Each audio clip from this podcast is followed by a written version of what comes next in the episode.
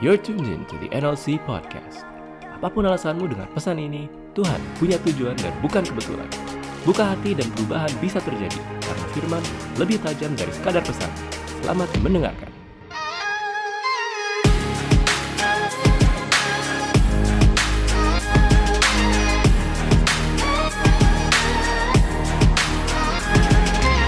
So di bulan ini, di bulan yang baru, kita akan uh, belajar new themes, uh, suatu tema baru. Kalau di bulan lalu kita belajar mengenai what, whitewash tomb atau kuburan di labur putih. Di bulan ini kita akan belajar mengenai suatu tema yang saya sebut stagnan atau stuck, stagnasi.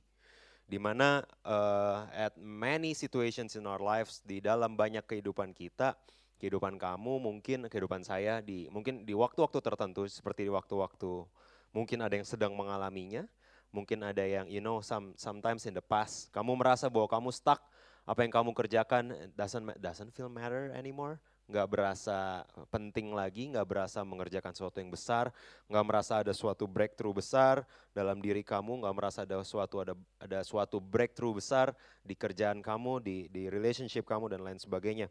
So I think di bulan stagnan ini eh, kita akan belajar eh, bahwa ada purpose Tuhan dalam setiap stuck yang kamu alami dalam hidup.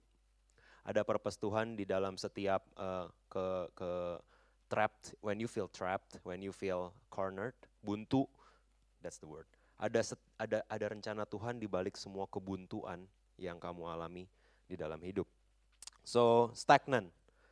Judul khotbahnya adalah semua itu bohong. Eh, kalau in the past ada band yang sangat terkenal Gigi dan ada sangat terkenal liriknya semua itu bohong. Dan lagunya asik banget waktu zaman-zaman eh, saya SMA sometimes ago.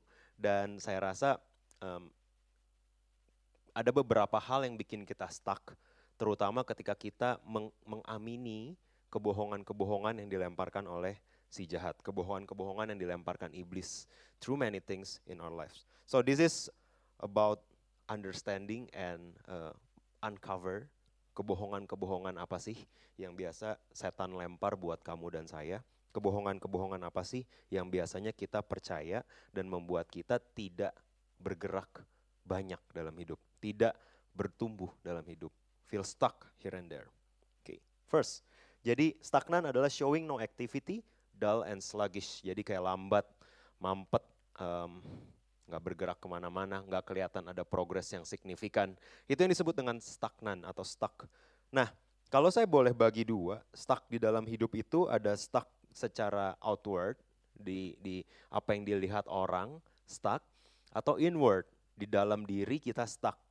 Kalau saya bagi dua seperti ini, outward eh, di dalam eh, apa yang kelihatan di luar, kita bisa stuck kalau kita bicara soal keluarga, bisnis, karir, jodoh, you know, pekerjaan, kesehatan, rumah tangga itu ada outwardly stuck. Sepertinya nggak ke mana-mana. Sepertinya family-nya tidak ada breakthrough dalam keluarga, tetap nggak percaya Tuhan. Sepertinya kesehatan orang yang kita doakan nggak berubah banyak, sepertinya stuck gitu-gitu aja. Untuk bisnis, promosi yang kita doa-doakan, boro-boro dipromosi malah di PHK for examples, we feel stuck in life, karir kok nggak sekeren eh, teman-teman yang wisuda bareng waktu itu, kok nggak, kok si ini udah bikin ini, si itu udah bikin itu, saya ngerasa stuck, going nowhere in life, merasa stuck. Ketika saya compare diri saya atau pencapaian saya terhadap pencapaian orang lain, atau ada kalanya juga kita merasa stuck di ministry, oke ini pelayanan gini-gini aja, udah mulai bosan, udah mulai oke kalau dulu saya nggak gereja ditanyain, sekarang saya nggak online, mungkin nggak apa-apa, nggak ada yang tahu. Kita mulai merasa stuck di dalam hidup, dalam pelayanan juga kadang-kadang kita merasa stuck, juga dalam relationship, right? Ada waktu-waktu di mana kita ngerasa, hey, yang seumuran saya sudah merencanakan pernikahan dan lagi pusing, apakah melan- melanjutkan pernikahan atau tidak, sementara saya yang WhatsApp good night aja belum ada gitu sampai hari ini. Misalkan, misalkan. Nah itu kayak, oh saya stuck secara relationship, saya stuck secara ministry, saya stuck secara health, kesehatan dan lain sebagainya. But I, I do think bahwa stuck itu ada dua jenis, ada stuck outwardly yang di luar, ada stuck, ada stuck inwardly yang di dalam. Nah, kalau yang saya percaya adalah ketika saya coba uh, gali ini lebih dalam, ketika kita stuck di luar, itu bisa jadi karena kita sendiri, bisa jadi karena seizin Tuhan, betul? Kadang-kadang Tuhan mengizinkan Ayub untuk stuck dalam hidupnya. Tuhan mengizinkan Daud untuk stuck dari waktu dia diurapi sampai dia actually jadi raja. Ada Tuhan mengizinkan stuck di waktu Yusuf dari mimpi sampai actually jadi berkat buat bangsanya. Ada waktu-waktu di mana kayaknya stuck mampet, nggak ada yang secara profesional udah udah kerja baik-baik, difitnah, digibah, masuk penjara, dilupain teman. You know, Yusuf mungkin felt stuck in his life at some point dan, dan saya rasa ada waktu-waktu di mana Tuhan memang secara outward mengizinkan kita di kondisi yang stuck untuk kita belajar sesuatu. Untuk kondisi hati kita siap. Kenapa perlu 40 tahun buat e, bangsa Israel masuk ke tanah perjanjian? Kenapa mereka perlu stuck di padang gurun? Karena dengan stuck di padang gurun, Tuhan membawa mereka ke posisi hati di mana mereka siap untuk ada di tanah perjanjian. Stuck is needed. Kalau Tuhan mengizinkan ada beberapa hal stuck dalam hidup kita, itu mungkin ada beberapa hal yang perlu kita upgrade. Ada beberapa uh, hal yang ingin kita, Tuhan yang Tuhan ingin kita pelajari di waktu-waktu kita mandek di dalam hidup, dalam hubungan, dalam keluarga, ministry dan lain sebagainya. Nah, yang saya mau fokus lebih lanjut bukan stuck yang di luar seperti ini, tapi stuck yang di dalam. You know, ada kalanya Tuhan memang ingin kamu sudah masuk tanah perjanjian, udah di depan mata, right? Tapi for some reason kita kita stuck inwardly, mindset kita stuck, karakter kita stuck, habits worship kita mandek, sehingga kita tidak bisa menikmati apa yang harusnya menjadi bagian kita. Agenda Tuhan kita udah move forward, tapi kita nggak bisa karena kita inwardly kita stuck. Ini yang bahaya, right? Tuhan Tuhan memegang situasi nggak? Of course nggak usah ditanya gitu. Tuhan selalu in control. Dia selalu memegang situasi apa pun outward dalam hidup kamu. Baik atau buruk ada rencana Tuhan. Amin. That's clear. Tapi kalau Tuhan lagi uh, gak ada proses, actually yang Tuhan mau kamu lakukan udah dikasih tahu semua. So it's our turn, giliran kita untuk bisa nggak kita keluar dari stucknya kita, dari karakter kita, habit kita yang berantakan, untuk kita bisa move forward, untuk go and break through semua yang bikin kita stagnan. Nah, di dalam hidup I think ada illusion of progress. Ketika saya, oke okay, saya pakai contoh diri saya sendiri. Ketika saya atau kamu mungkin kita merasa ada ilusi bahwa kita lagi progressing in life. Padahal harus sebenarnya kita lagi stuck. Contoh, kita bisa merasa bahwa kita secara outward progressing. Oh tadinya saya nggak punya kerja, saya udah punya kerja. Dari sebelumnya saya satu, sekarang saya S2, sepertinya progressing. Tadinya saya hmm, gajinya, uh, I don't know kenapa disebut satu digit. Actually itu tujuh digit kan. I mean 4 juta itu tujuh digit. Kenapa disebut satu digit? Dari gajinya di bawah 10, sekarang udah di atas 100. Sepertinya dari luar progressing. Well actually Is that what matters to God or not? Hey, dari sisi luar bisa jadi kita terlihat progressing. Dari belum punya pacar jadi punya pacar, obral sana sini biar saya juga punya pacar. Akhirnya meskipun harus obral sana sini dan dan uh, oh saya juga udah siap menikah dan lain sebagainya. Kita nggak mau ketinggalan. Kita dari luar maunya terlihat progressing. Well actually does that matter to God? Belum tentu. Kita menggunakan hmm, lombanya dunia untuk kita pasang buat jadi targetnya kita. Apa yang dunia buru-buru, oh harus sudah nikah umur segini, harus punya anak umur segini, harus sudah punya pacar umur segini, lihat teman kamu semua udah begini, teman kamu semua udah begitu, kamu masih jadi staff, apa, temanmu semua udah direktur, gitu kan. kamu masih staff. Kayak as if, as if that is the progression, dan ketika kita stuck kita mikir ya, kok saya gue gini-gini aja ya, right? Dan ini yang berbahaya karena kita bisa jadi merasa, oh So take a look at me now, right? Udah ganteng sekarang. Udah punya pacar, udah siap menikah, udah udah bos. Tapi actually inwardly, kalau kamu jujur sama diri kamu sendiri, kalau kalau saya jujur sama diri saya sendiri, are you in better version dibanding sebelumnya atau justru lebih buruk? Penghasilanmu mungkin bertambah, posisi kamu mungkin bertambah, status kamu mungkin berubah dari jomblo jadi tunangan, but to be honest, between you and God, between me and God, are we progressing menjadi semakin kudus. Karena kalau di Alkitab bilang, kamu dibenarkan, tidak peduli dosamu apa, ketika Yesus mati buat kamu dan saya, we are being justified, we are being made righteous. Kita dibenarkan di hadapan Allah, bukan karena kamu ke gereja, bukan karena kamu pelayanan, bukan karena kamu doain teman-teman kamu. No, kamu righteous karena Yesus mati dan darahnya mahal bayarin kamu dan saya supaya di hadapan Bapa kita selalu righteous. That's justification. Tapi setelah kamu terima Tuhan, setelah saya terima Tuhan, ketika kita menempatkan iman kita sama Yesus, no ada sanctification. Di mana tujuannya adalah sehari demi sehari, hendaklah kamu kudus sama seperti aku kudus, right? Kita nggak suka ayat yang kayak gitu kan, right? Nggak enak gitu didengarnya, karena yang yang kita rasa adalah oh daripada saya kudus lebih baik saya manager. Nah, come on, ya enggak lah enggak enggak. Yang dengar mungkin enggak gitu. Kamu lebih concern kamu kudus, apa lebih concern kamu belum manager? Jawab masing-masing di dalam hati, masing-masing. Kita lebih concern sama perlombaannya dunia, kita lebih concern sama progressingnya di dunia, kita melupakan what matters to God actually. Karena di Efesus 6, hendaklah kamu kuat di dalam Tuhan, di dalam kekuatan kuasanya. Dibilang seperti itu. Dan sebelum saya masuk ke Efesus 6, saya mau mau highlight hal ini bahwa ada illusion of progress di mana kita merasa kita do good things buat Tuhan. Oh, lihat saya. Dulu ketika saya belum gereja, saya cuma uh, pengangguran uh, yang banyak acara gitu. Karena saya sekarang udah ikut Tuhan, lihat saya dipromosikan, saya dapat perkenanan manusia dan Tuhan. Is that good? That is good. That is good. Main concernnya bukan kamu, bukan saya dan kamu dipromosi atau tidak. Main concernnya apakah kita semakin kudus di hadapan Tuhan atau tidak. Karena di Matius ayat yang paling saya nggak suka saya.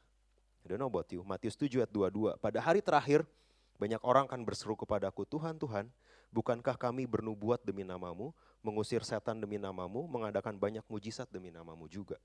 Pada waktu itulah aku akan berterus terang kepada mereka dan berkata, aku tidak pernah mengenal kamu, enyahlah daripadaku kamu sekalian pembuat kejahatan. Hey guys, ini orang yang bernubuat, mengusir setan, dan mengadakan mujizat dalam nama Yesus saja bisa nggak dikenal Tuhan. Apalagi kita yang, aku dipromosi demi namamu, for real? Aku bangun bisnis ini demi namamu. Is it? Is it true? Aku jadi, aku buka lain usaha baru demi namamu. We, we don't even do things demi nama Tuhan anymore gitu. Kalau yang melakukan demi nama Tuhan aja, Tuhan bilang aku tidak mengenal kamu. Apalagi kita kalau kita cuma berlomba di progressionnya dunia. And I think it's very dangerous for each and every one of us. Kalau kita mulai ke trap, kita mulai merasa saya stuck nih, hidup saya gini-gini aja, no. Uh, pekerjaan saya gini-gini aja, posisi saya gini-gini aja, no. Is, is that what matters? Pertanyaan nomor satu adalah apakah kekudusan merik begini-begini aja? Dan itu jadi isu. Apakah kekudusan kamu, sanctification kamu, penyucian kamu, hidup kehidupan pertobatan kita, karakter kita gini-gini aja, itu yang jadi concern. Karena itu yang matters. In the long run. When I say long run, meaning waktu kita, you know, mati, nah itu long run kan habis itu, kekekalan kan. Yang sebelum itu short run. This 70 years, 60 years, 40 years, 30 years is a short run. Setelah itu long run. Oke. Okay.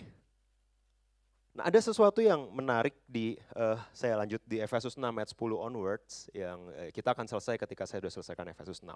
Efesus 6 ayat 10, akhirnya hendaklah kamu kuat di dalam Tuhan, di dalam kekuatan kuasanya. Kenakanlah seluruh perlengkapan senjata Allah supaya kamu dapat bertahan melawan tipu muslihat iblis ayat 12. Karena perjuangan kita bukanlah melawan darah dan daging, tetapi melawan pemerintah-pemerintah, penguasa-penguasa, penghulu-penghulu dunia yang gelap ini, melawan roh-roh jahat di udara. Hmm, ini sesuatu yang kita hmm, mulai tinggalin.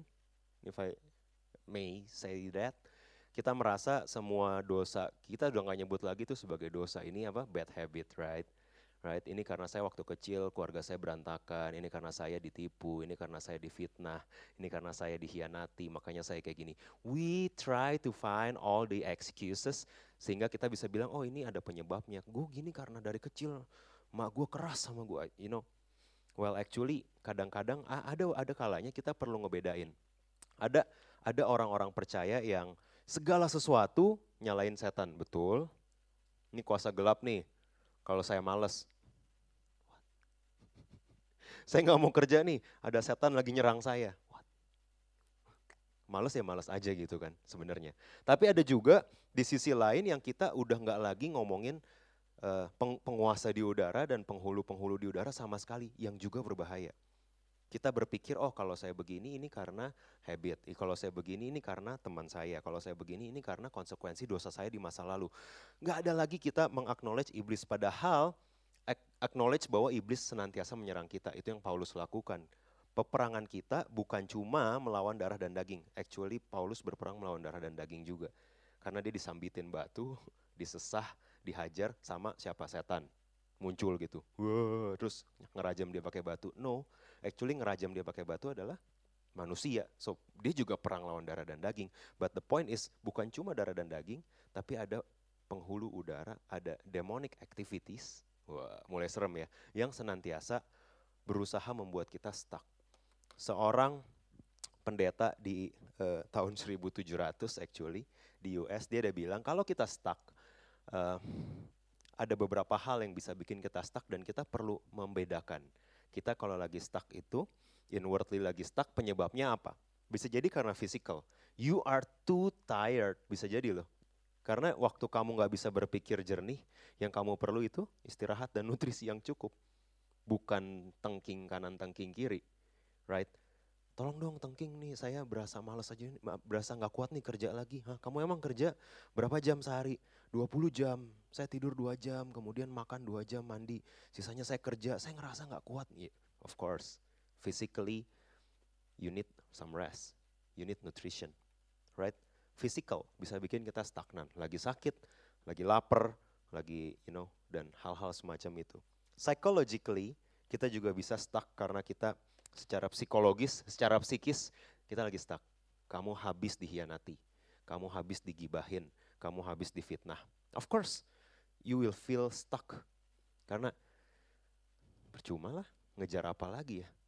Tawar gitu, tahu saya harusnya bergerak maju, tahu saya harusnya belajar sesuatu, tahu saya harusnya pick up and grow, but I feel stuck. And it's probably happen secara psikologis. What we need mungkin love, affirmation and support. Kenapa disebut, hey kamu hanya kamu dan Alkitabmu dan Tuhanmu tidak cukup untuk mengarungi this life. It's not me. Amsal bilang besi menajamkan besi, manusia menajamkan sesamanya. Ketika kamu nggak izinkan diri kamu vulnerable buat orang lain, mengobrak-ngabrik buat orang lain, uh, negur kamu, buat orang lain ngingetin kamu, buat orang lain berdoa buat kamu, menangis bersama dengan kamu, kita nggak terima love, affirmation, and support. Jadi pertanyaan berikutnya, kapan terakhir home? Oke, okay. Ketika kita stuck karena kita nggak merasa ada yang mengasihi kita, nggak ada yang support kita, nggak ada yang berdoa buat kita. Tuhan men, men, men, men, menjadikan saudara seiman sebagai orang-orang yang can give you that. Kalau kalau kamu khawatir masukannya uh, orang di luar sana mungkin berantakan, gereja, church supposed to be answer for that harusnya menjadi yang memberikan jawaban sesuai apa yang firman Tuhan katakan. Meskipun mereka juga bukan orang yang sempurna. Meskipun teman home kamu juga banyak kekurangannya. Okay? psychological. Moral, bisa juga kita stuck inwardly karena moral. Kenapa? Ini karena guilty. Saya punya dosa besar yang gak ada seorang pun yang tahu, yang masih saya lakukan, dan ini membuat kita, setiap kita mau maju, apa gue munafik ya? Apa apa gue pantas ya? Nggak ada, kamu nggak ngomong itu secara langsung, tapi deep down kamu tahu, my mistake. I'm living the life, I'm living the consequences of what I did in the past. Ada waktu-waktu secara moral kita nggak bisa bergerak maju karena kita merasa kita nggak layak. Dan di waktu-waktu kayak gini yang kita butuhkan adalah repentance dan rekonsiliasi. Kamu perlu bertobat. Yes, betul, dosa kita nggak uh, uh, it's it's it's not there anymore. No, it's there. Kamu bakal masih bisa ingat dosa kamu yang besar. Kamu masih bisa ingat dosa kamu yang seorang pun gak ada yang tahu. The key is to repent. Kalau misalkan secara moral kamu benci banget sama seseorang, kamu nggak kamu akan stuck inwardly. Karena kamu perlu rekonsiliasi. Sama seperti dosa kamu yang besar, kamu perlu pengampunan Tuhan. Dosa orang yang bes, yang kecil terhadap kamu, kamu perlu melepaskan pengampunan. Itu moral. Otherwise, kalau morally kita stuck, kita akan stuck di any area of our lives. Oke? Okay? Nah, kalau udah moral, psychological, physical, yang terakhir baru demonic. Wah, serem ya, demonic ya, you know. Serangan iblis, oh serangan iblis kayak gimana? Oh, jadi ingat kan, you know, all the movies yang kamu tonton, right? Mungkin serangan iblis tidak terjadi dengan kamu tiba-tiba bangun, kepala kamu muter 180 derajat, terus muntah, or something like that. No, no, at, at times probably di satu dan lain hal. Tapi actually saya sempat kemarin ini discuss, kerasukan adalah strategi terburuknya iblis. You know, ketika kita bilang serangan iblis, kita ingatnya apa? Aing teh maung gitu kan. Aing teh maung gitu kan. Oh ini serangan iblis gitu. Sepertinya serangan iblis itu cuma ter, ter, terkunci yang jenis-jenis begitu. Itu serangan iblis. Of course ada ikatan tertentu dengan kuasa gelap dan lain sebagainya. But what I'm saying is, kerasukan itu adalah strategi terburuknya iblis. Why? Karena kalau kamu lihat orang kerasukan, yang pertama kamu sebut apa? Bahasa roh, jalan serta Yesus gitu kan langsung ingat jurit malam zaman dulu gitu kan.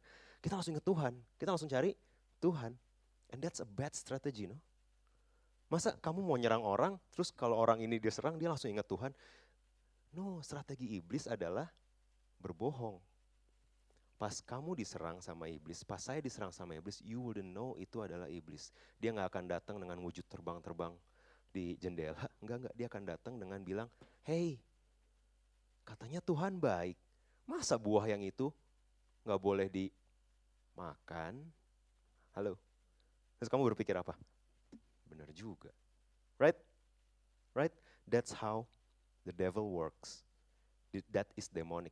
Dia selalu berbohong. Dia nggak iblis iblis nggak bisa bikin seorang yang sangat kudus jadi berdosa, nggak bisa. Dia nggak punya dia nggak punya uh, taring untuk bikin kamu dari kudus, bak gitu mati nggak bisa, nggak bisa. No, no, no, Tuhan kita jauh lebih besar dan lebih kuat. Amin. Yang dia bisa lakukan adalah kamu mikir sesuatu nih di kepala kamu. Dia bikin itu berulang-ulang dan dia pakai toa. Kamu mikir nih, kok dia ngomong gitu ya? Right? Itu cuma asal lewat kan? It's inevitable, right? Orang ngomong apa pun ke kamu, kamu nggak bisa kontrol kan. Kamu mulai berpikir, oh kok dia ngomong gitu ya. That's it. Iblis akan mengamplify that. Gila dia bisa ngomong gitu. Padahal ketua home. Padahal habis pelayanan, habis WL, habis main musik. Masa kelakuannya kayak gitu? Oh mulai, you know. Mulai kita mikirin lagi, play that over and over again, di loop, klik kanan kita mulai loop di kepala kita. Kok dia gituin gue ya? Right? Itu serangan iblis. That's how he works. Jadi dia serang dengan cara-cara dia nggak punya kekuatan langsung buat nyerang kita. Yang dia pakai dari sisi tipu muslihat adalah dengan lie to you. Oke. Okay. Kebohongannya kalau saya boleh bagi dua, kita akan fokus lagi. Tadi udah ada inward, ada outward, inward ada berbagai macam. Hari ini kita akan fokus di demonic. So konteksnya selesai, backgroundnya selesai, we go. Semua itu bohong, right? Kebohongan-kebohongan iblis itu kayak apa sih? Kebohongan iblis yang utama, kalau saya boleh kategori jadi kategoris jadi dua, ada dua. Yang pertama adalah temptation, yang kedua adalah accusation atau pendakwaan. Godaan dan pendakwaan. Godaan ini apa? Godaan adalah kita melihat diri lebih tinggi dari yang seharusnya, sehingga kita melakukan tindakan yang tidak seharusnya.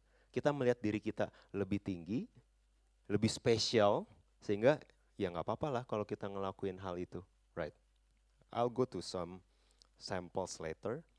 Kedua, pendakwaan. Kita dia dia membuat kita melihat diri lebih rendah supaya kita nggak melakukan tindakan yang seharusnya. Okay? yang satu dia melihat dia membuat kita overestimate ourselves supaya kita melakukan hal yang harusnya nggak boleh kita lakukan. Kalau accusation dia membuat kita underestimate ourselves. Gue mah sampah. Mana mungkin gue bisa jadi berkat buat orang lain. Mana mungkin gue bisa menang dalam kehidupan ini setelah dosa besar yang gue lakukan. Oh, exactly, itu tujuan dia. Accusation. supaya kita nggak melakukan tindakan yang seharusnya. Right? Secara umum, kebohongannya dua itu kayak begini. Nah, we will go through. Jadi dia kan bapaknya pembohong ya. Tujuan dia tuh cuma ngebohong-ngebohong aja. Oke, okay? kalau kita balik ke ke framework pertama kita dibenarkan buat kamu yang belum terima Tuhan, mungkin mendengarkan ini, ada kebohongan buat orang yang belum terima Tuhan, yang nggak masih nggak yakin Yesus itu Tuhan atau bukan, ada kebohongan iblis. Buat kamu yang udah percaya Tuhan dan barusan nyanyi di depan, ada kebohongan lain yang yang dia siapkan buat setiap kita. Of course, karena itu memang hmm, habitnya dia untuk keep attacking you. Dia seperti singa yang mengaum-ngaum, right? Ada celah dikit, hajar. Ada ada pikiran yang salah dikit, masuk. Nah, untuk yang belum terima Tuhan, kebohongannya apa? Kebohongannya adalah kekristenan itu omong kosong, right? Masa ada Yesus yang bilang jalan ke Tuhan cuma saya? Enggak equal dong. Mana keadilan sosial bagi seluruh rakyat Indonesia, betul? Semua agama sah, sama. Semua ngajarin kebaikan. Oh itu those lies akan keep spitting out ke orang-orang yang bikin kamu supaya kamu terus mempertanyakan saya ini harusnya dibaptis atau tidak. Yang yang selama ini saya dengar ini benar apa bohong. Ikut Tuhan tuh ngefek apa enggak. Oh ini, this lies akan tetap dilemparin ke buat kamu yang belum menerima Tuhan sebagai Tuhan dan Juru Selamat. Ini adalah kebohongan yang paling besar. Dan Nah, tapi dia akan ganti strategi dong. I mean, kalau kamu udah bertobat, kamu udah pelayanan, kamu udah dibaptis, kamu udah terima Tuhan, kemudian masa dia masih bilang, enggak lah salah tuh yang lu baca, nggak mungkin gitu, nggak kena, kamu udah tahu Alkitab ya dan amin, sola scriptura, kamu udah tahu roh kudus di dalam saya, saya bisa bertobat karena roh kudus yang membuat saya bertobat, betul? Kamu kamu udah tahu bahwa saya bisa, uh, oke, okay, uh, eh, saya diselamatkan karena Yesus mati buat dosa-dosa saya, itu kamu udah paham dan kamu udah adopt, itu jadi fondasi prinsip kamu. Now, kebohongan dia akan berubah, kebohongan dia adalah, Christianity is real. Tadinya kan dia bilang Christianity omong kosong kan. Kalau udah kayak gini dia akan bilang apa? Kekristenan itu real. Begitu juga dengan kasih karunia Tuhan. Oh, iblis akan bilang gitu sebelum kamu berdosa. Kalau Tuhan udah mati buat dosa saya yang kemarin, hari ini, dan besok, artinya besok kalau dosa ada efeknya nggak? Hmm. Oh, iblis akan lempar itu. Right? It's okay. Tuhan itu penuh dengan belas kasih Tuhan itu panjang sabar, right? Kasih setia Tuhan kekal sampai selama-lamanya. So go and sin some more. Pergi dan berbuat dosa lagi. Padahal yang Yesus bilang apa? Aku pun tidak akan menghakimi kamu. So go and sin no more. Oh, tapi kalau iblis bilang, oh Tuhan kan nggak menghakimi kita, right? So go and sin some more. Ini bacotan yang kita selalu kena gak sih? Enggak ada efeknya. Semua orang juga begitu. Ntar saya akan go terus satu-satu. Temptation dia tuh senjatanya kayak apa aja. Semua orang juga ngelakuin itu. Enggak ada efeknya. Tuhan Yesus masih baik buat saya. Tuhan Yesus panjang sabar. Sebelum kita jatuh dalam dosa, temptation yang akan dilempar terus panahnya. Pas kamu berdosa, dia ganti panahnya. Betul? Dia kamu akan lupa semua grace-nya Tuhan. Yang kamu ingat apa? truthnya Tuhan. Ingat, dia nge-twist sedemikian rupa sama kayak ke Hawa, sama kayak ke Saul, sama kayak ke Daud, dia nge-twist sedemikian rupa as if temptation is fine. Dan ketika udah jatuh dia akan datang dengan accusation. Dia akan bilang bahwa, udah lu gak usah nyanyi lah, sama-sama tahu kan lo habis fitnah kemarin. Halo. Udah gak usah pura-pura online ibadah online lah. Kan kita tahu semalam lu buka internetnya buat apa. Internet yang sama yang kamu pakai untuk beribadah. Internet handphone yang sama kamu pakai buat eh, pip gitu kan. So, accusation will come. Accusation will come. Christianity is real. Dia nggak bilang, oh dia nggak dia nggak bakal ngomong Tuhan panjang sabar lagi. Yang akan dia bilang apa? Tuhan itu kudus. Kamu kudus begini. Coba-coba melayani Tuhan.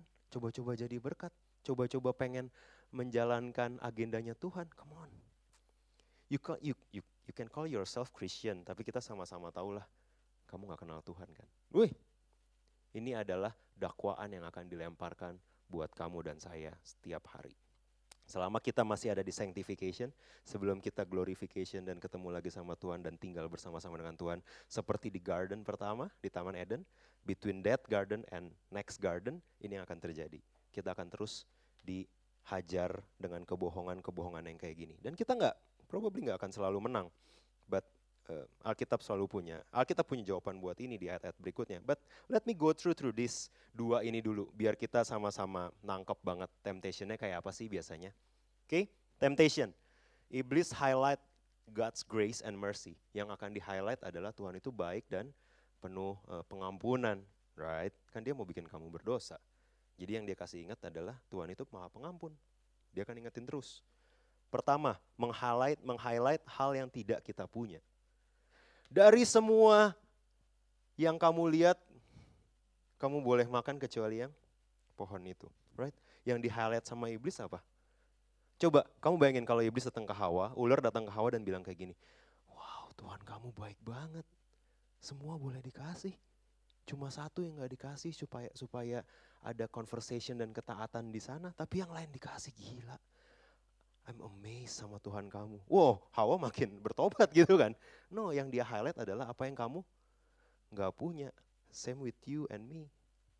Kamu nggak punya pacar. Yang di highlight adalah itu. Kamu nggak punya, teman-teman kamu udah merit, kamu belum. Oh, dia nggak akan inget tuh keluarga kamu udah dipulihkan, orang tua kamu disembuhin, nggak ada masalah finansial lagi. Kamu nggak bakal inget. Yang kamu ingat saya nggak punya pacar. Dia akan highlight hal yang kamu tidak punya. Kamu belum nikah, kamu belum tahu kapan nikah. Kamu jadi bridesmaid setahun, you know, 20 kali, you know, people like that. jadi bridesmaid terus gitu kan. Pertanyaan orang-orang apa? Kamu nih bridesmaid terus kapan jadi bridesnya gitu kan. Kayak as if kayak gampang banget gitu dilempar terus kita jadi, wah hal yang tidak saya punya. Right? Dia akan meng-highlight hal yang kamu tidak punya. Kalau beberapa dari kita yang di-highlight, kamu gajinya, gajinya masih segitu-segitu. Teman kamu udah berapa? Kamu gak punya pacar. Udah punya pacar, kamu belum nikah. Pacar kamu gak tahu kapan mau nikahin kamu highlight yang kamu tidak punya. Udah nikah, kamu belum punya anak. Udah kerja, kamu masih jadi staff. Dia akan selalu meng-highlight hal yang kamu tidak punya. Hati-hati, ini temptation ya. Kedua, apa yang menjadi godaan dari iblis adalah membantu membuat dosa menjadi rasional. Oh dia akan bikin supaya kamu merasa dosa kamu itu wajar. Rasional. Ya wajar lah. Ini nggak dosa dong, orang semua ngelakuin kok. Wajar dong, rasional, masuk akal. Dosa saya masuk akal. Saya nggak bakal marah-marah kalau dia nggak kayak gitu. Rasional. Saya nggak pelit, saya itu cerdik dalam mengatur uang. Dia akan mencoba membuat kita merationalize. Mencoba seolah-olah dosa kita masuk akal. Ketiga, menunjukkan dosa dari orang percaya. Iblis akan membuat menunjukkan, hey, di sekeliling kamu ada orang yang kamu look up to? Atau ada orang di luar sana, di gereja lain yang kamu look up to? Ketika, you know, everyone tidak kebal dari dosa, ketika ada someone jatuh dan kamu tahu dia berdosa, kamu akan mulai berpikir apa? Dia juga kayak gitu. Nggak apa-apa dong, right? Kalau kalau worship leader saya aja begitu, saya juga nggak apa-apa dong. Leader leader di tempat saya aja melakukan itu, right? Ini adalah tipuan untuk kebohongan yang akan dilempar ke kamu dan saya. As if orang lain juga dosa. Pemimpin kamu juga berdosa. Nggak usah nggak usah gimana-gimana banget lah. That. Keempat, mengulang kepahitan dan penderitaan kita. Yang saya tadi bilang, hey, kepahitan itu inevitable. Penderitaan inevitable, kepahitan inevitable. Siapa kamu nggak bisa filter kata-kata yang digunakan orang-orang di sekitar kamu. Kamu nggak bisa filter kelakuan orang-orang yang ada di sekitar kamu. Kamu nggak bisa hmm, mengubah karakter keluarga terdekat kamu. Nggak bisa. Mungkin pahit gak mungkin, mungkin gak sakit hati, mungkin ini gak jadi orang Kristen terus kebal sakit hati, you know, kayak Difitnah, oh puji Tuhan. Eh, I don't know kalau kamu ada di level kayak gitu, that's good for you. At some at some point mungkin kamu dan saya kalau kamu dengar kamu difitnah, kalau kamu dengar kamu diomongin, kalau tiba-tiba ada orang yang nyalain kamu atau mengkhianati kamu, mungkin kita akan merasa kepahitan. It's, mungkin kita akan merasa marah. Tapi yang iblis lakukan kemarahan yang sedikit itu diulang-ulang dan diamplify. Makanya ada ayatnya, kalau kamu marah jangan sampai terbenam matahari. Karena kalau kamu simpen tuh kemarahan kamu, iblis akan mengamplify dan diulang-ulang terus. Sampai kamu jadi berbuah jadi dosa. We good? Mengulang kepahitan dan penderitaan kita. Dia akan membuat kita berpikir bahwa kita pantas. Nah ini, makes you think that you deserve it. Kan udah pelayanan, kan udah sharing, kan udah dengerin orang, kan udah ngampunin si A. Masa porno nggak boleh? Hello, Hello.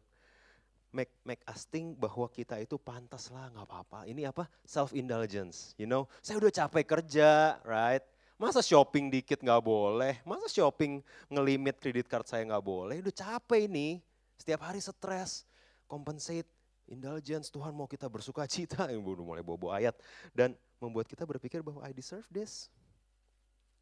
Karena saya selalu disalahartikan orang-orang di sekitar saya. Cie. Karena saya selalu dihianati. So I deserve this. Really? Iblis membuat kita berpikir bahwa kita layaklah, pantaslah kita berbuat dosa dengan semua cobaan, dengan semua uh, suffering yang Tuhan izinkan, ya bolehlah dosa dikit. Hey, gak pernah ada yang ngomong secara langsung, but doesn't that what happens with our mind sebelum kita berbuat dosa? Gue udah terlalu capek, gak apa-apa lah. Eh mungkin cuma saya, I don't know, mungkin kamu berbeda dan lebih kuat, but most of the time iblis akan berusaha membuat kita berpikir bahwa kita pantas melakukan dosa. Keenam, iblis akan menunjukkan bahwa dosa itu perlu dan gak ada konsekuensinya. Pretty clear, straightforward. Oh ini semua juga harus pakai pelicin. Hari gini, lu pindah negara aja kalau lu gak mau pakai pelicin. Wow, right?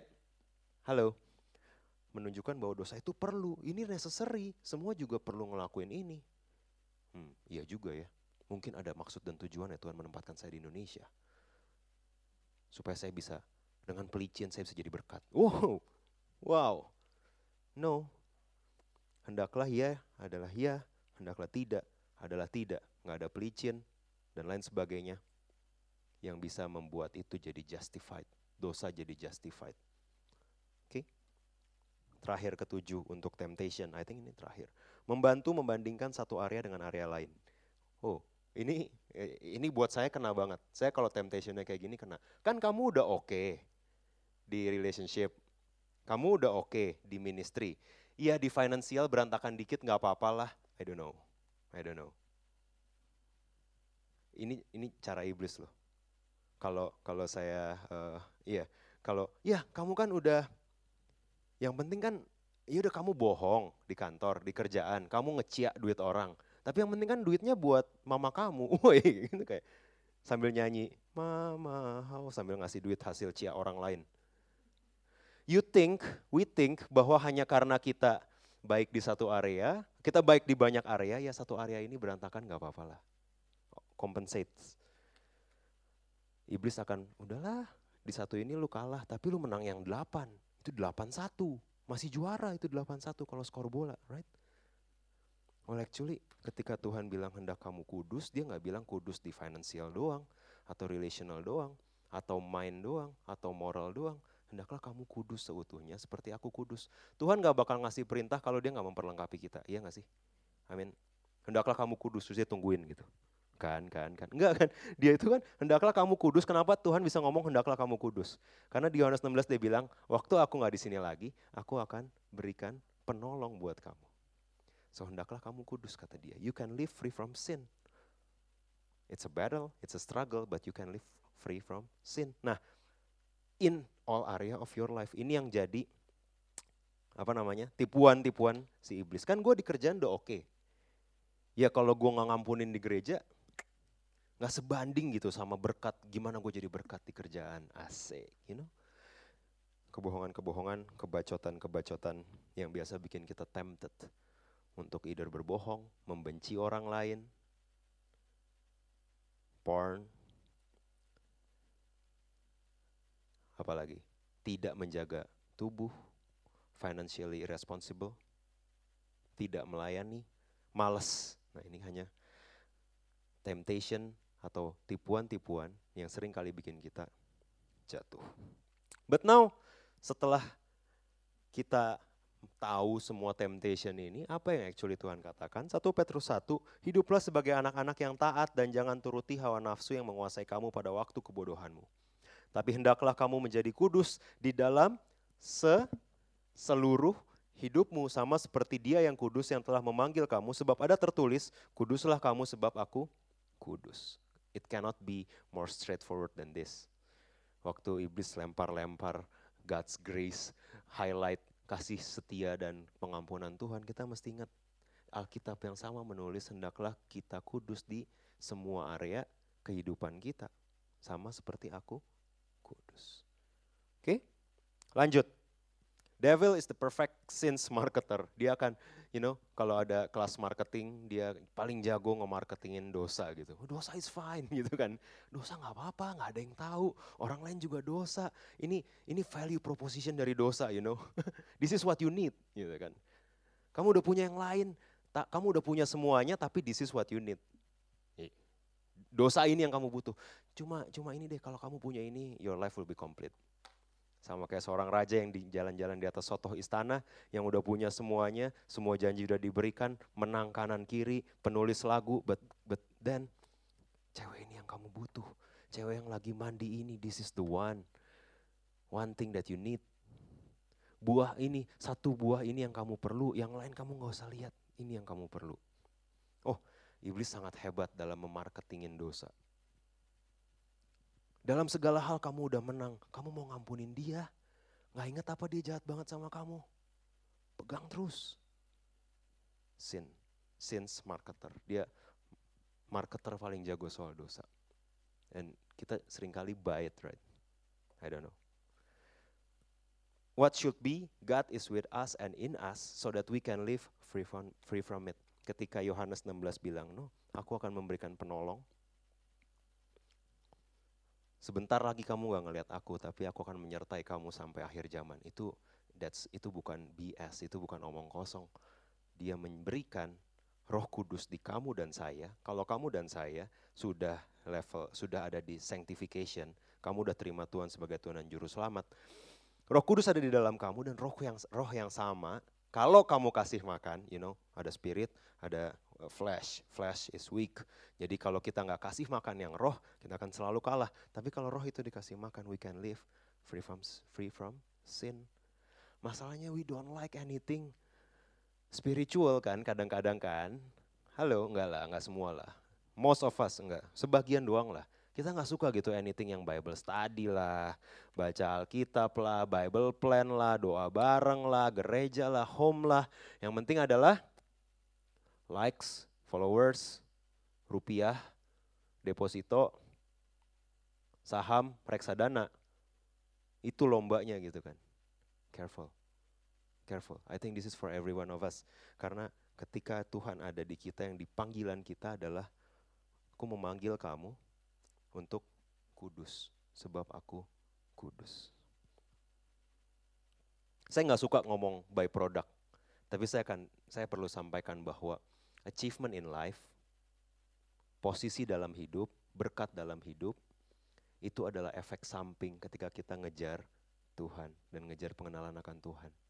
Itu efek samping.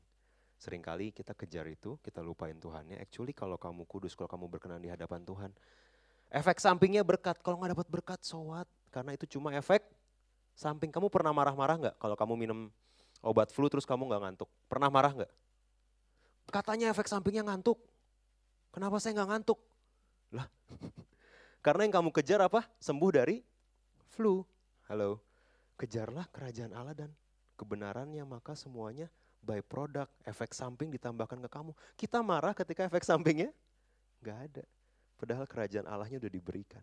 Prinsipnya udah diberikan. Keselamatannya udah diberikan. Masih marah. Ini tipuan-tipuan yang berbahaya. Lanjut, accusation. Dakwaan. Gimana waktu kita jatuh ke dalam dosa, yang di highlight sama iblis adalah Tuhan itu kudus, kamu enggak. Tuhan itu ada murkanya loh. Apa yang kamu tabur itu yang akan kamu tuai. Pertanyaan saya sama kamu, pernah nggak itu ayat keluar sebelum kamu berbuat dosa? Sepi, oh emang sepi di sini. Tapi pernah nggak ayat itu keluar sebelum kamu berbuat dosa? Apa yang kamu tabur itu yang kamu tuai? Nggak pernah, right? Kapan tuh ayat keluar? Pas kamu disakiti orang lain. Kamu disakiti nih, terus dia terluka, terus dia tiba-tiba di PHK. Uh, Tuhan itu adil ya, tabur tuai. Wow, maknyos. Pas orang lain menderita karena tabur tuai, pas pas kita berdosa, tabur tuai nggak berlaku. Or sisi lain, ada yang lebih berantakan lagi mindset kita yang bikin kita terdakwa adalah ketika kamu tidak mendapat apa yang kamu mau, kamu berpikir itu tabur tuai. Oh, itu paling bahaya. Oh saya nggak diterima nih kerjaan, ini pasti karena saya berdosa. Ini pasti karena saya malas pelayanan, makanya saya nggak diberkati. As if kamu pelayanan cuma supaya diberkati gitu. Tabur tuai, tiba-tiba ingat, oh kalau saya uh, ditipu orang, oh ini tabur tua ini, ini pasti karena saya nggak perpuluhan. Hey sorry ya, Tuhan nggak semurahan itu. Tuhan nggak semurahan itu men. Dia bukan Zeus yang uh, tunggu kamu dosa, kena petir, tunggu kamu oke, okay, dikasih istri dan lain sebagainya. No, it's scandalous dan ini nggak masuk akal karena grace itu nggak masuk akal. Sebelum kamu berbuat baik, dia udah bilang you are righteous karena dia serahin dirinya sendiri buat mati buat kamu dan saya. It's scandalous. Itu bukan tabur tuai at all. Lanjut dulu. Kesatu, pendakwaan ini membuat kita untuk melihat dosa kita lebih besar dari penebus dosa kita. Hello. Dia membuat kita melihat dosa saya yang kemarin itu. Pasti kalau hari ini saya stuck di outward, saya stuck di inward karena dosa saya yang kemarin. Is it? Bukankah Yesus lebih besar dari itu semua? Kalau ngebanding-bandingin dosa besar dan dosa kecil, saya paling suka pakai contoh Saul dan Daud, right? Karena dosanya Daud adalah uh, mengambil, uh, mengambil, memanipulasi, membunuh, right? Tapi berkenan di hati Tuhan. Dosanya Saul adalah harusnya persembahan, Samuel belum datang, dia persembahan duluan. That's it.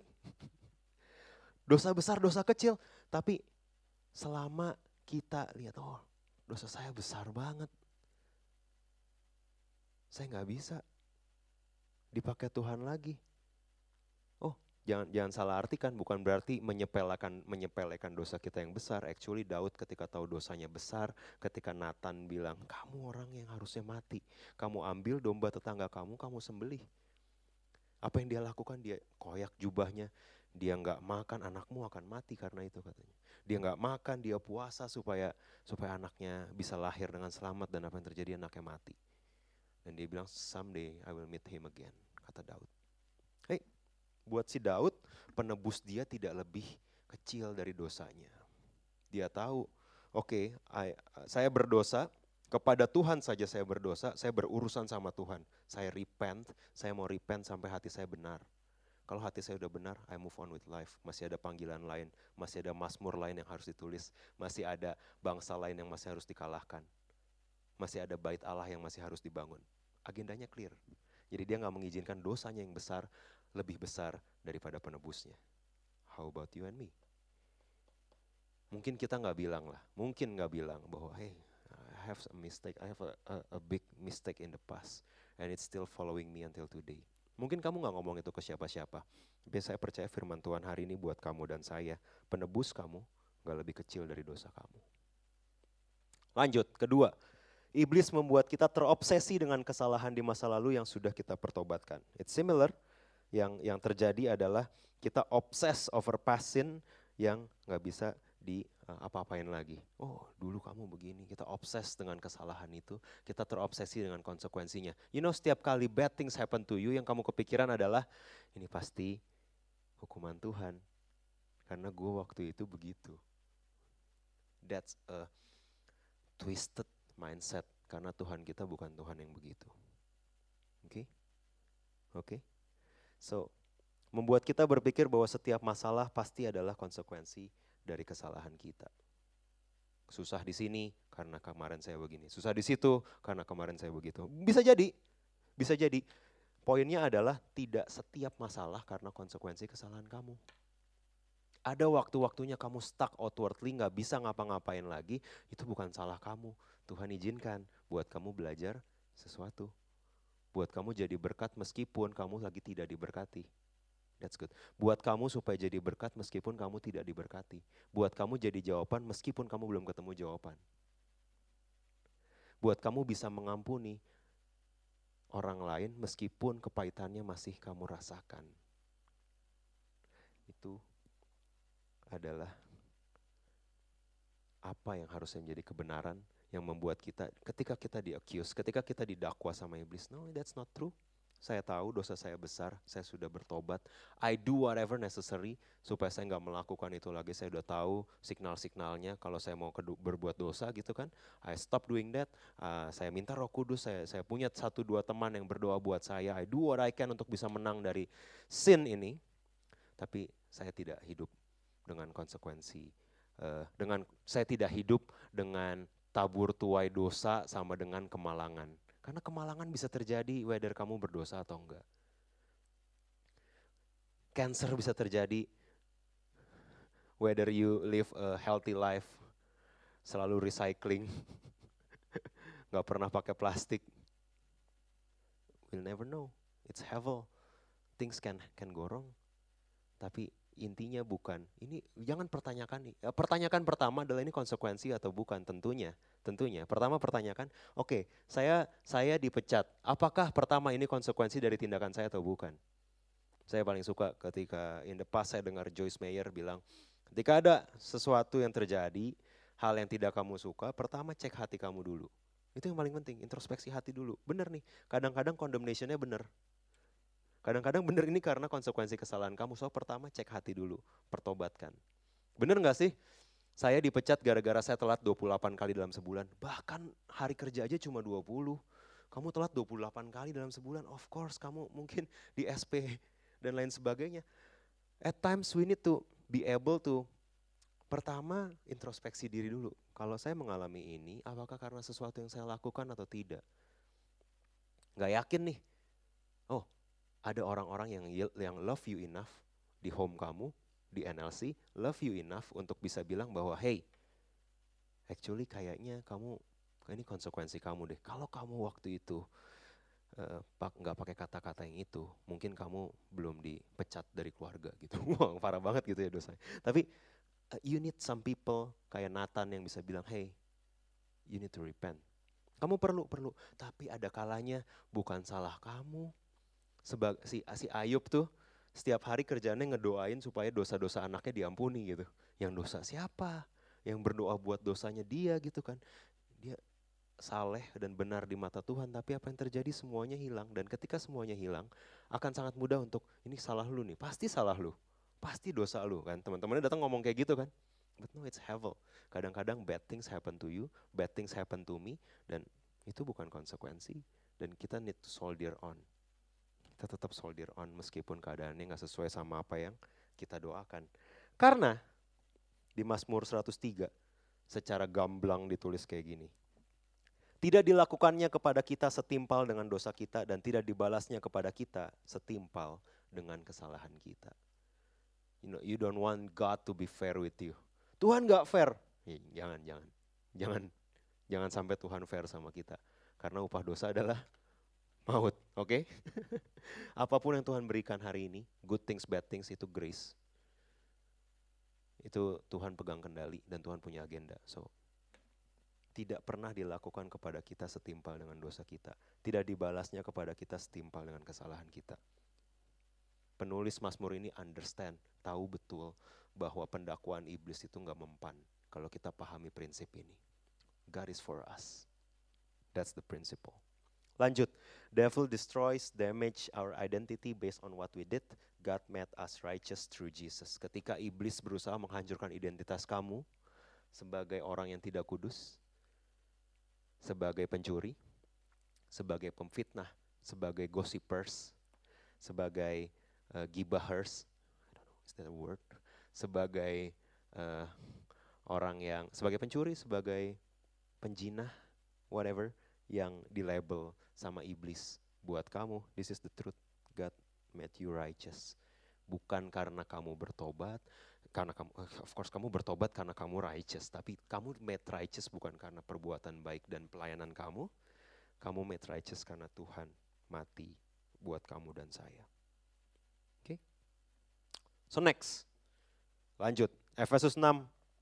So how? Gimana caranya kita bertahan melawan semua godaan dan dakwaan ini? Untung Efesus 6 gak, gak selesai sampai di situ.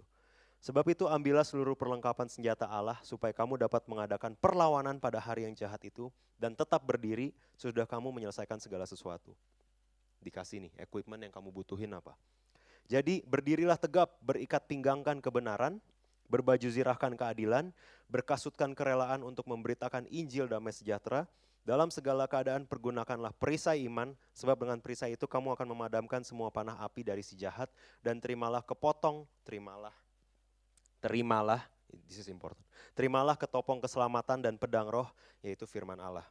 Oh, ayat yang sudah lama tidak kita baca dari sekolah minggu.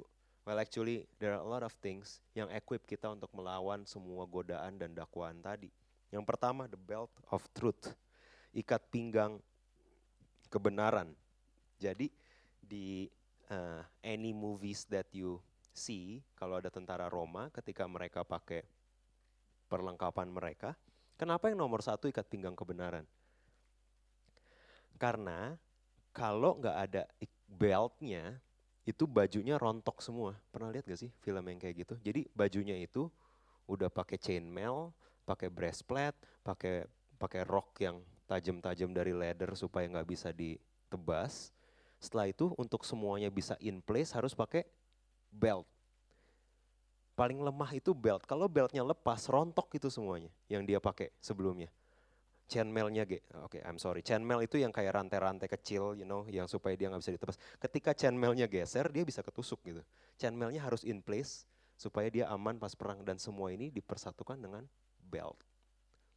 So this belt of truth, kebenaran harus jadi beltnya. Artinya apa?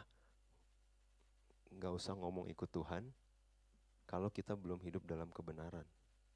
Kalau nggak ada truth, kalau apa yang kita project di mimbar, sama kalau apa yang merik project di mimbar, sama apa yang merik project di kantor dan di rumah berbeda, itu nggak punya belt namanya. Ouch. Buat saya sih ouch, I don't know. Translate to you.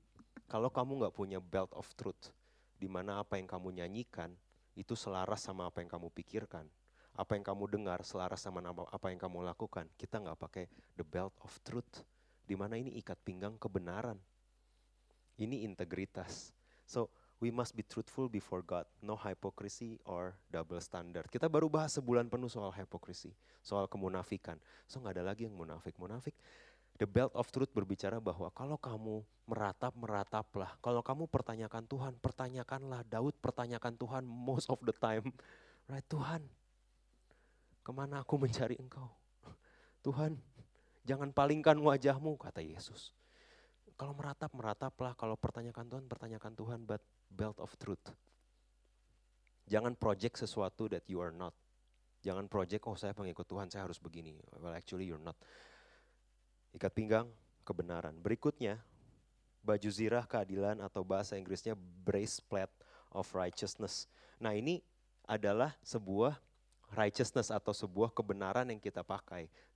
Bahasanya sama ya, truth sama righteous sayang sekali. Seharusnya truth itu adalah hidup sepadan sama apa yang uh, kita klaim.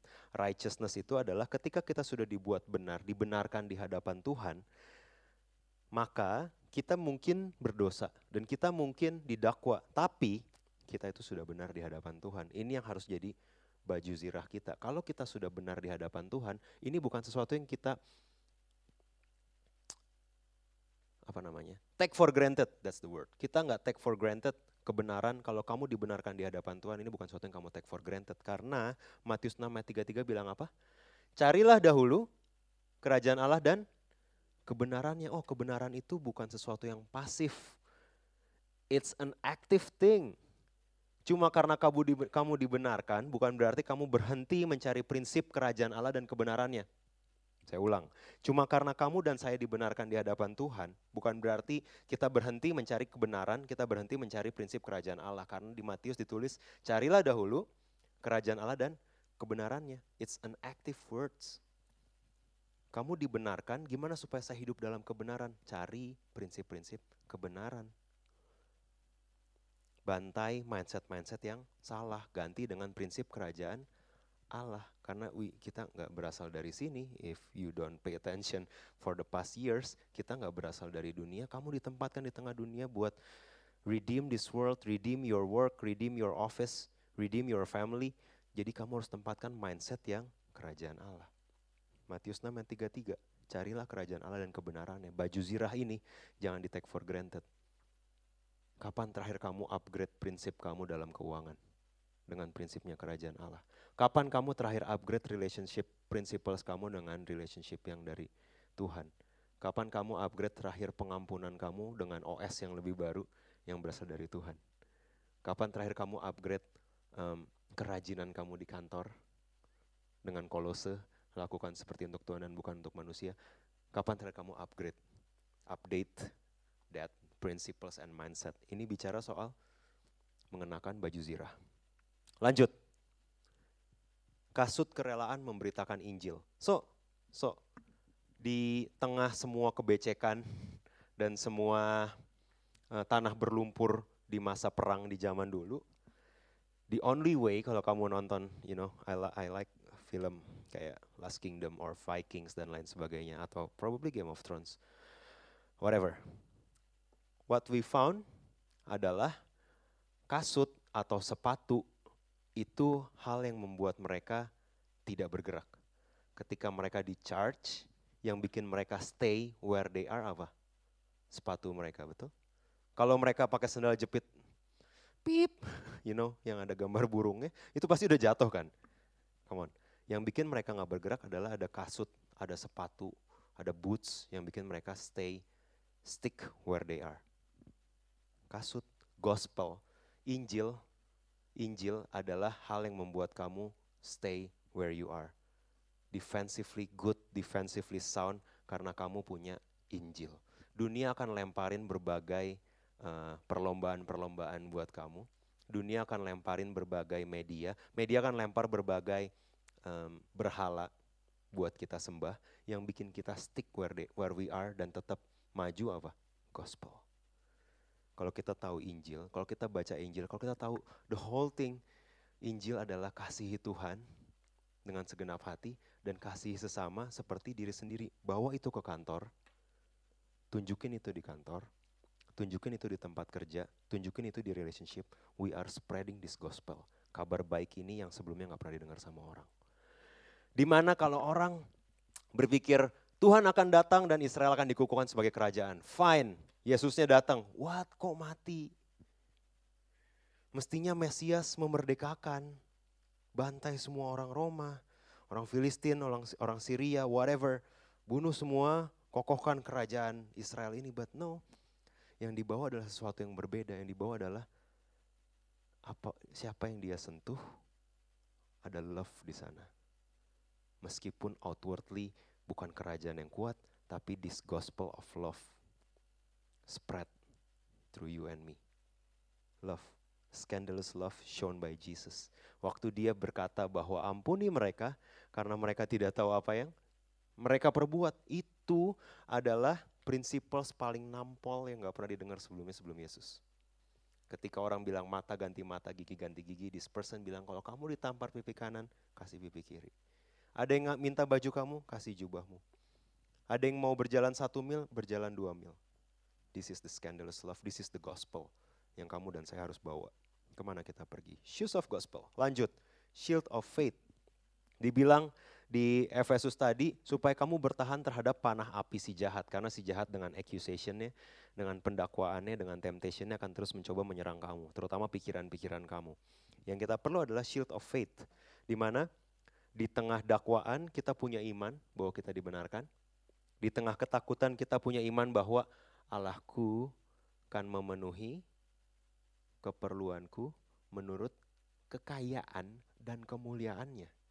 Itu shield of faith, di mana fear datang pas kamu ngelihat gaji dipotong, ketika fear datang, ketika kamu kehilangan bisnis, ketika fear datang dan bisnis kamu mulai turun, I have shield of faith.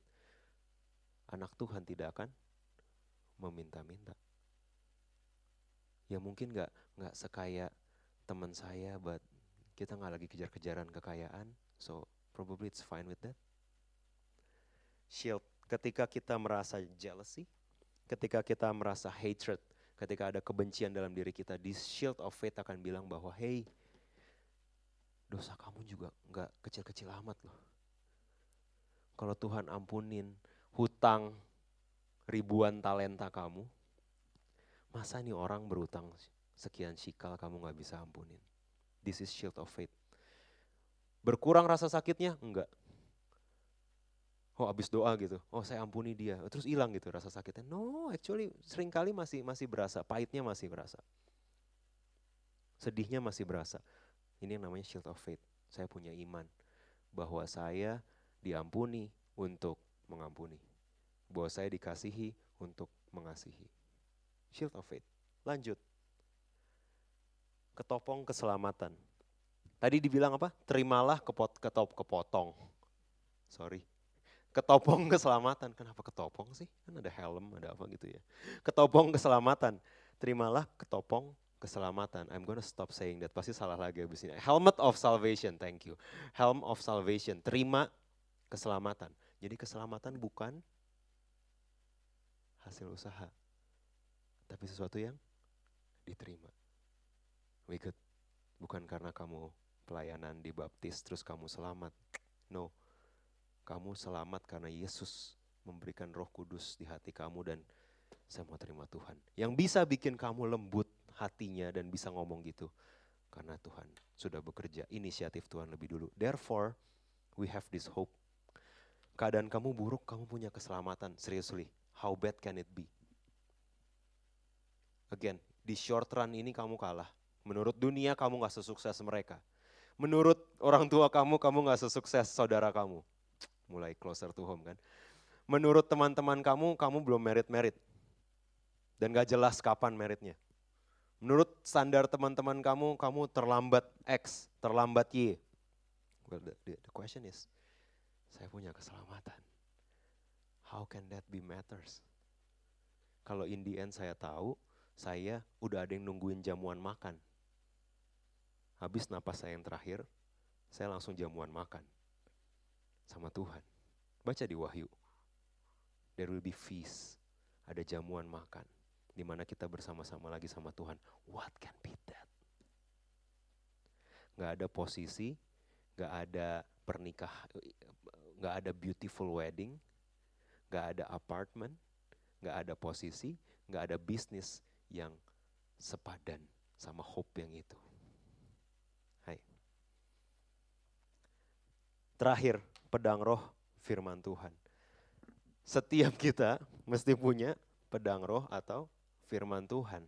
Nah ini kan, kalau kamu cuma makan lepehan NLC setiap minggu, kalau kamu cuma nerima lepehan merik setiap bulan, ini lepehan loh, right? Waktu saya baca firman, Tuhan bicara sama saya. Dan apa yang saya sampaikan kepada kamu, technically adalah apa yang sudah saya terjemahkan menjadi practical, which is lepehan. Kalau kamu bisa perang, kamu perang, bisa pernah nonton film kayak gitu. Ini perang nih, kok nggak bawa pedang? Tuh udah bawa pedang dia, jadi nggak usah lah kita nggak apa-apa gitu ya. Kalau ada apa-apa kita minta tolong dia aja. Pernah lihat ada yang sebodoh itu di perang? Karena every man, every woman, kalau you are in Christ, pedang roh ini, firman Tuhan kamu mesti punya. Ditanya dikit, you know, ke kesuk, ilustrasi kesukaan saya, Tritunggal apa sih? hmm, semen. Gitu.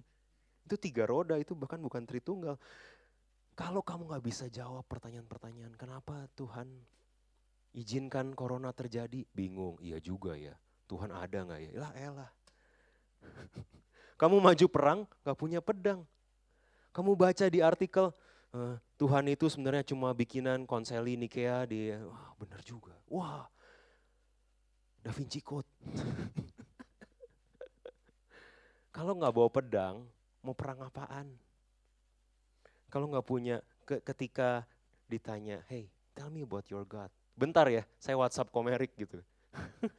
Bentar ya, saya WhatsApp ketua home saya. Saya juga nggak terlalu bisa jawab lah. Kalau nanya uh, lirik lagu saya hafal. Kalau nanya chord, elevation saya hafal. Tapi kalau nanya Tuhan, ntar ya saya panggil ketua youth saya. Come on, setiap orang harus punya this offensive sword. You are ready ketika keluarga kamu nanya, hey, ketika kamu datang ke keluarga kamu yang sakit dan ada yang bisa, ada tiba-tiba roh kudus bilang, hey doain, can you? Minta dia terima Tuhan, can you? Mengerikan kan? halo kok bisa ikut nggak? Sakit nih uh, tante saya boleh ikut nggak doain dia terima Tuhan? No, actually setiap kita harus punya pedang roh firman Tuhan. Setiap kita need to be able to doain orang lain, need to be able to ngusir setan if needed, need to be able to uh, uh, apa namanya tumpang tangan atas orang sakit dan lain sebagainya. Why? Why? Karena setiap kita punya pedang roh firman Tuhan. Pertanyaannya, kalau nggak pernah baca firman Tuhan, pedangnya dari Mana thank you? Right? Yang muncul di kepala kamu cuma quotes yang kamu baca di Instagram, bukan firman Tuhan. Sorry, sorry, this is hurting. Yang kamu ingat cuma captionnya pendeta favorit kamu, bukan firman Tuhan. Ini pedang roh, caption atau firman Tuhan? Firman Tuhan. Muncul dari mana kalau nggak pernah baca firman Tuhan? I leave you with that. Ofensif ketika kita mau tanya orang, hey, kamu mau terima Tuhan? Can I pray for you? Oke, okay, kamu ada masalah di keluarga kamu. I know kamu belum bukan Kristen dan kita nggak segereja dan saya cuma teman kantor kamu. Can I pray for you? Itu ofensif. Defensif ketika ditanyain tadi, Tritunggal apa sih? Kenapa nggak ada jalan selain Tuhan? Bingung. Iya juga ya, jalan kan banyak jalan menuju Roma. Kenapa ke Allah Bapa cuma Tuhan? Lah, kecampur-campur antara peribahasa, firman, semua kecampur. You know, we need to be able to have this sword, firman Tuhan yang kita jadikan sebagai pegangan perang kita waktu ofensif maupun defensif. Enggak selalu ada orang yang bisa bantu kamu jawab. Enggak selalu ada uh, orang yang bisa uh, help you defense or offense. Tapi this is the truth firman Tuhan itu harus jadi rema dan cuma bisa jadi rema kalau kamu sudah mendengar dan membacanya. No other way. Saya akan tutup dengan Yohanes 16 yang dari tadi saya sneak peek. Saya beri sneak peek dari tadi, sneak peek dari tadi. Yohanes 16 berkata kayak gini, demikian juga kamu sekarang diliputi duka cita, tetapi aku akan melihat kamu lagi dan hatimu akan bergembira. Yesus bilang kayak. Saya tahu kamu datang dalam keadaan sedih, didakwa, dan digoda. Yesus bilang gini, kamu sekarang diliputi duka cita, tapi aku akan melihat kamu lagi dan hatimu akan bergembira. Saya nggak pernah lihat Yesus kayak apa, kecuali Kaviezel. tapi I know how happy I would be ketika kita semeja lagi sama Yesus. Dan tidak ada seorang pun yang dapat merampas kegembiraanmu itu daripadamu. Semuanya itu kukatakan kepadamu, supaya kamu beroleh peace, damai sejahtera dalam aku. Dalam dunia kamu menderita penganiayaan, tetapi kuatkanlah hatimu. I have overcome the world. Saya selesai. Saya boleh jemput teman-teman yang di sini untuk bangkit berdiri, tim PW untuk maju ke depan.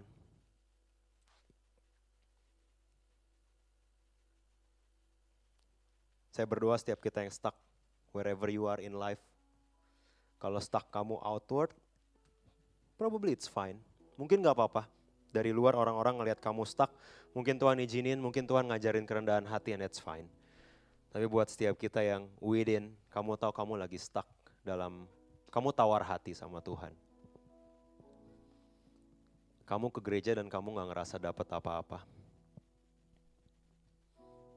Kamu gak bisa maju di aspek tertentu dalam hidupmu karena kamu tahu ada pengampunan yang belum kamu lepaskan. Dan itu bikin kamu stuck in every area in your life. This is the truth. Kenakan segenap perlengkapan senjata Allah dan kita bisa menang.